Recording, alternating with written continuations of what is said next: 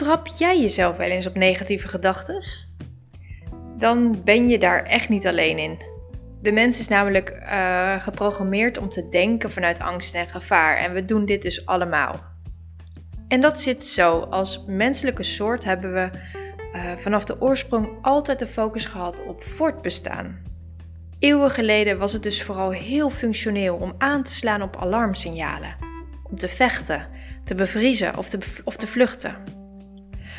Alleen nu, eeuwen later, is onze omgeving drastisch veranderd en is er veel minder gevaar.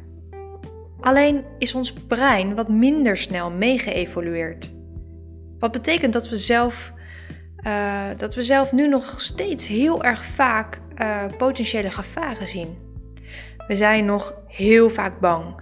Bang om van baan te veranderen, bang om te presenteren voor een groep, bang voor een muis of bang om in het donker alleen naar huis te lopen of, of dat je bang of zorgen hebt dat er iets gebeurt met je naaste.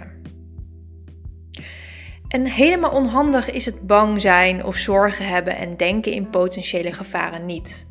Het laat ons nog steeds opspringen wanneer een auto met gierende banden voorbij raast. Het laat ons tijdig handelen wanneer je kind van een klimrek valt en het laat ons snel reageren op harde geluiden om na te gaan of er, of er gevaar draagt waar we voor moeten oppassen.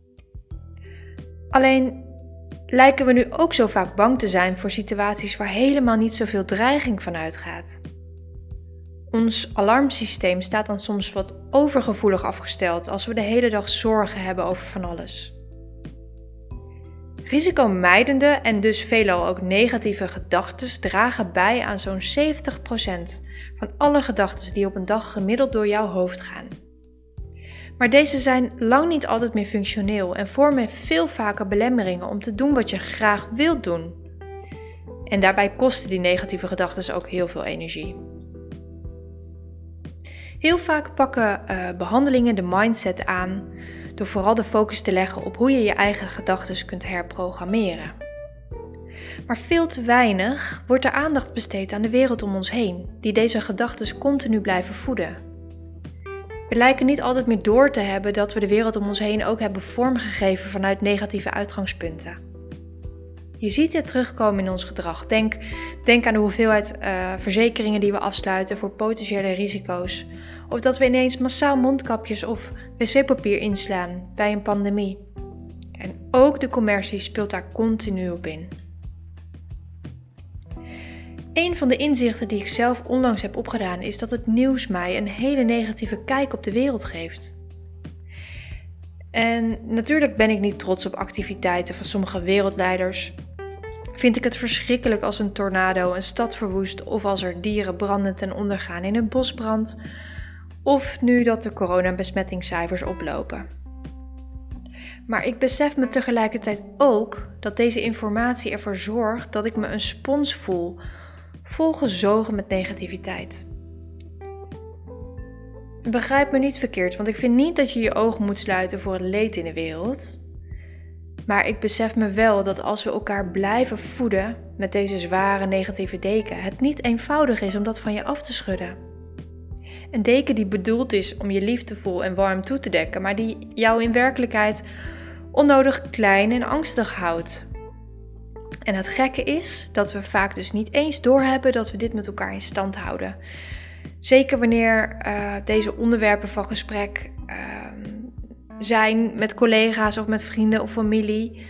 Je hebt het over een ramp of heb je het al gehoord over een scheiding. Um, dat wat in het nieuws uh, zich afspeelt. Uh, waarbij het bespreken van het verdriet van een gebroken stel op Temptation Island natuurlijk niet mag ontbreken. Want dat is ook zoiets. We kijken massaal naar het leed van anderen via tv-programma's. We weten nu dus dat we overwegend negatief geprogrammeerd zijn en dat we dus ook continu zoeken naar de bevestiging van deze angsten. Maar je kunt het ook naar een positievere balans brengen. Je hebt namelijk enorm veel invloed op de manier waarop je negatieve informatie toelaat. Begin er vandaag al mee, door je bewust wat minder te omringen met negativiteit. Kijk geen tv-programma's meer over het leed van anderen. Kijk één keer per week het nieuws in plaats van elke dag. Of neem geen deel meer aan een gesprek als er geroddeld wordt of als de misère van een ander het onderwerp van het gesprek is. Doordat je hier bewust van bent en dit soort kleine stappen zet, wordt alles gewoon weer een stukje lichter. Doordat jouw zorgen en angsten niet meer gevoed worden, worden ze door en droog. Je kunt ze makkelijk wieden en ze zullen zeker niet meer je tuin overheersen. Dit was het weer voor nu. Ik hoop dat je het waardevol hebt gevonden en dat je dat ook met mij zou willen delen. Mocht je nog niet geabonneerd zijn op deze podcast, doe dat dan even. En ik waardeer het ook enorm als je een review achterlaat. Dat kan het beste via de Apple Podcast app.